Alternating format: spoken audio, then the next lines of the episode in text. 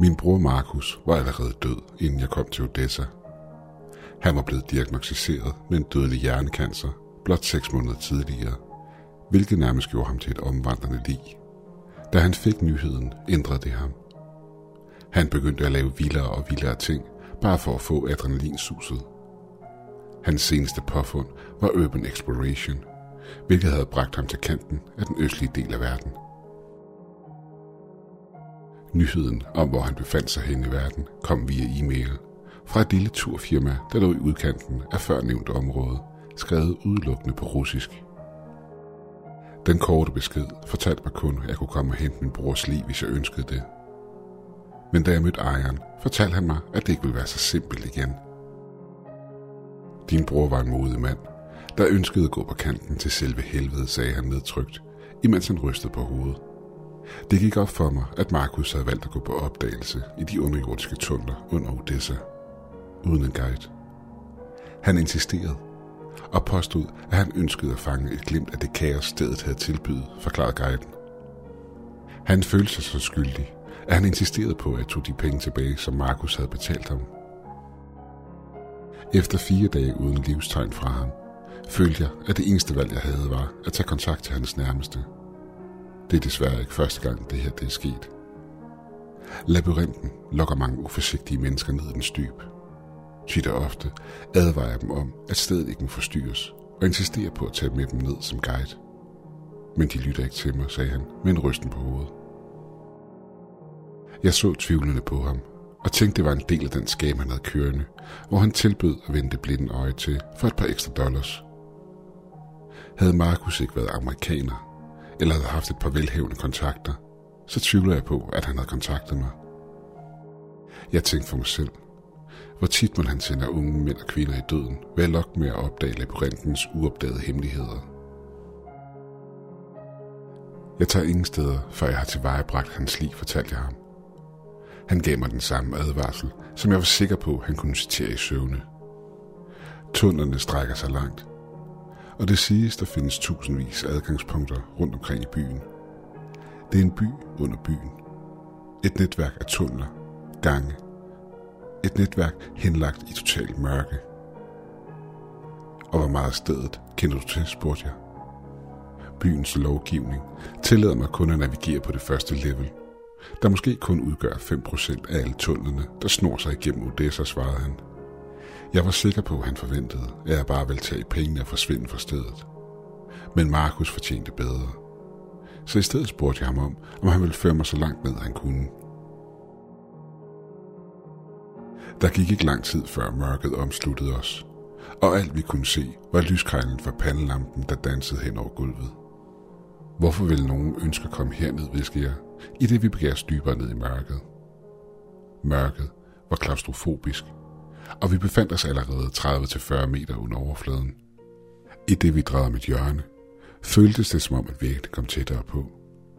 Ved hver skridt vi tog ned i mørket, føltes det som om, at verden udenfor kom længere og længere væk, og mørket foran os affødte nye mareridt, der blot ventede på os.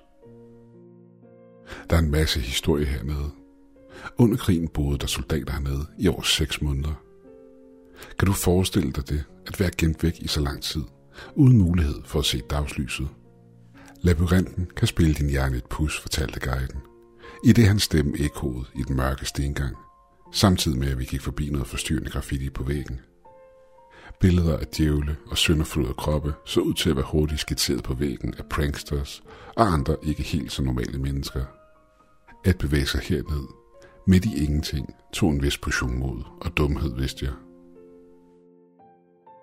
Det her så langt kan gå, sagde guiden, i de vi nåede toppen af en trappe. Jeg kunne ikke engang se det første trin af den. Mørket var intenst hernede. Well, i dag kommer du til at bryde reglerne, svarede jeg. Jeg har ingen intentioner om at ende som et lig, du kan bruge til at skræmme dine fremtidige kunder med. Jeg greb hans arm og skubbede ham fremad. Vent lige et øjeblik, sagde han. Lad os lige være fornuftige. Hørte du slet ikke efter, hvad jeg lige har fortalt dig? Det her sted er umuligt at gennemsøge. Nogen siger, det kun er 8% af tunnelene, der er blevet registreret. Det vil betyde døden for os begge, hvis vi fortsætter videre, svarede han nervøst. Jeg trak pistolen ud fra min jakke og gestikulerede, at han skulle fortsætte ned ad trappen. Løber du, tvinger du mig til at bruge den. Markus fortjente et bedre hvilested end det her sted, fortalte jeg mig selv, i det vi fortsatte ned. Langsomt begyndte vi vores eftersøgning i katakomberne. Ingen af os sagde noget, i det vi gik igennem de kolde tunneler. Det var nemt at forestille sig, hvorfor nogen ville tro, at det her sted var hjemsøgt. Selv ikke rotterne var at se nogle steder. Det her er en dårlig idé. Vi vil snart miste vores stedsans og vores vej tilbage, advarede guiden. Hold den her, svarede jeg guiden, i det jeg tog jakken af. Jeg var kommet forberedt og trak et par fakler op, der var store nok til at kunne være i min lomme. Jeg lagde en af dem ved hjørnet af gangen, i det vi fortsatte ind i noget, der mindede om en militærbunker.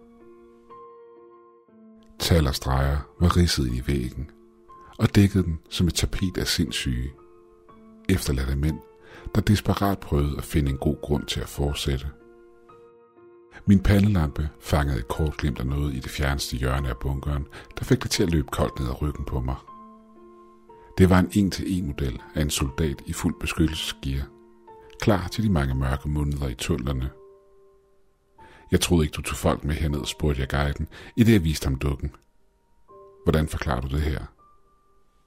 Han mumlede en undskyldning på russisk og sagde, der er ting ved det her sted, jeg ikke forstår. Ting, jeg ikke kan forklare. Vi burde virkelig ikke være her. Din bror er død. Vær sød bare at acceptere det, svarede han. Jeg var ikke tilfreds med hans svar. Vi måtte fortsætte.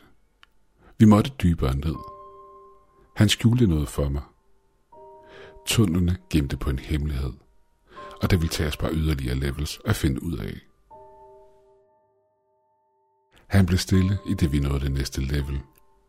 Ilden hernede var tyndere, kunne vi konstatere, i det vi gennemsøgte korridoren. Jeg var nede på den sidste fakkel. Herfra ville jeg være afhængig af, at min sanser guidede mig. Jeg besluttede mig for at sætte den ene hånd på væggen, imens jeg mentalt talte mine skridt med guiden foran mig inden for en armslængde. Efter vi havde gået et par minutter i mørket, prøvede han igen at overbevise mig om, at vi skulle vende om og gå tilbage. Vi kunne gå i cirkler. Der er ingen måde, hvorpå vi ved med sikkerhed, hvor vi er. Må jeg foreslå, at vi får et eftersøgningshold herned så hurtigt som muligt. Mange mænd vil gøre det nemmere at gennemsøge et større område af labyrinten, sagde han med en rystende stemme. Han var bange for at fortsætte. Jeg gestikulerede med pistolen, at han skulle fortsætte. Overbevist om, at sandheden var tæt på. Men jeg turde ikke at fjerne mit blik fra ham, i det vi rundede et hjørne. Foran os lå en af faklerne, jeg tidligere havde placeret. Den var næsten ved at gå ud, så jeg løb over til den i håb om at kunne holde lyset i live. Der er ikke meget ild hernede i disse glemte gange. Lad os vende om. Det burde være klart for dig, at vi ikke finder din bror hernede, bønfaldte guiden. Faklen var helt klart et tegn på, at vi gik i cirkler. Men jeg ønskede ikke at give op på det grundlag alene. Hvis rollerne havde været byttet om, havde Markus gjort alt for at finde mig. Du lyder overbevist om, at han er død. Men du kender ikke min bror, som jeg gør. Han er muligvis faret vild, men jeg nægter at acceptere, at han er væk, indtil jeg ser hans liv med mine egne øjne. Det var en løgn. Men det var nok til at lukke munden på guiden, i det vi gik igennem den næste korridor.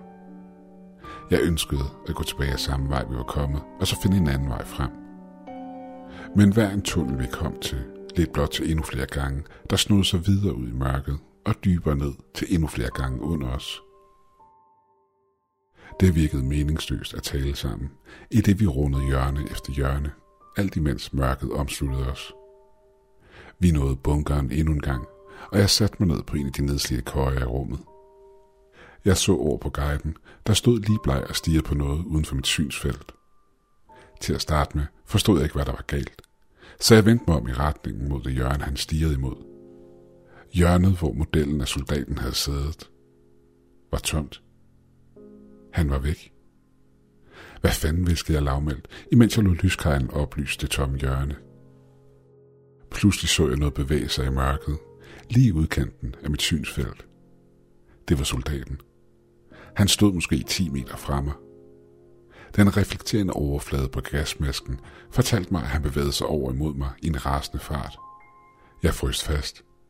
Min hjerne prøvede at få kontrol over min krop, i det det gik op for mig, at det var en levende person, der kom imod mig. I det samme råbte jeg til guiden, at han skulle løbe. Men det var for sent. Soldaten var over ham i løbet af ingen tid, og kastede ham til jorden, i det jeg bakkede væk. Min eneste tanke var at komme væk. Jeg vidste ikke, hvor jeg kunne løbe hen. Jeg tumlede igennem de mørke gange, i det jeg desperat prøvede at huske vejen tilbage ud af det her mørke helvede. Bag mig hørte jeg guiden skrige i redsel.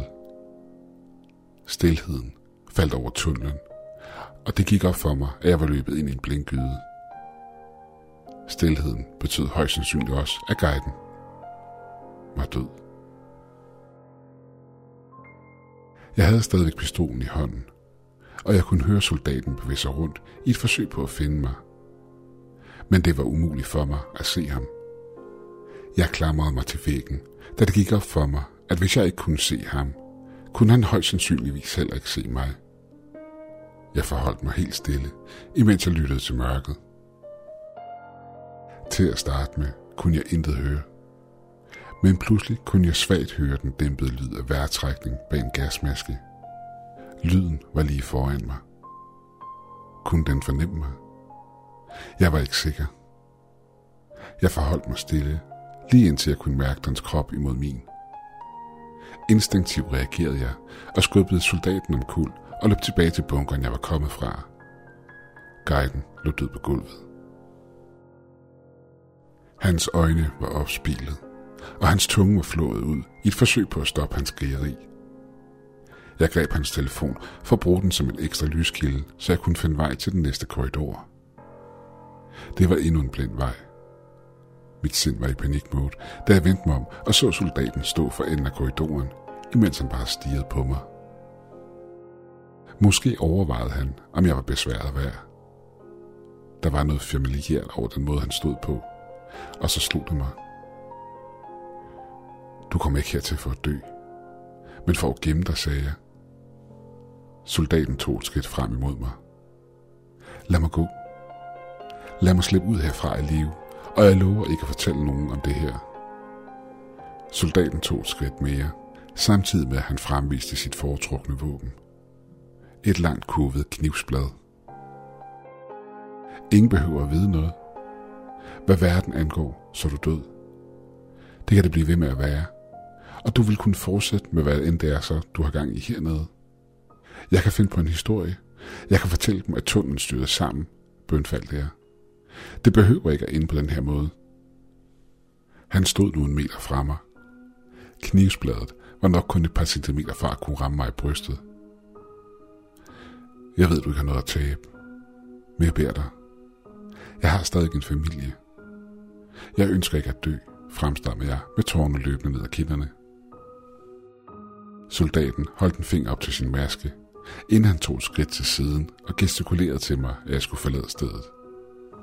Jeg tøvede i et sekund, imens jeg prøvede at forstå, hvad der gik igennem hovedet på ham. Hvorfor havde han valgt dette? Men jeg turde ikke stille spørgsmål ved min eneste chance for flugt. Jeg efterlod ham der i mørket. Det føltes som timer, før jeg fik en nogenlunde sans for, hvor jeg var og hvor jeg befandt mig henne.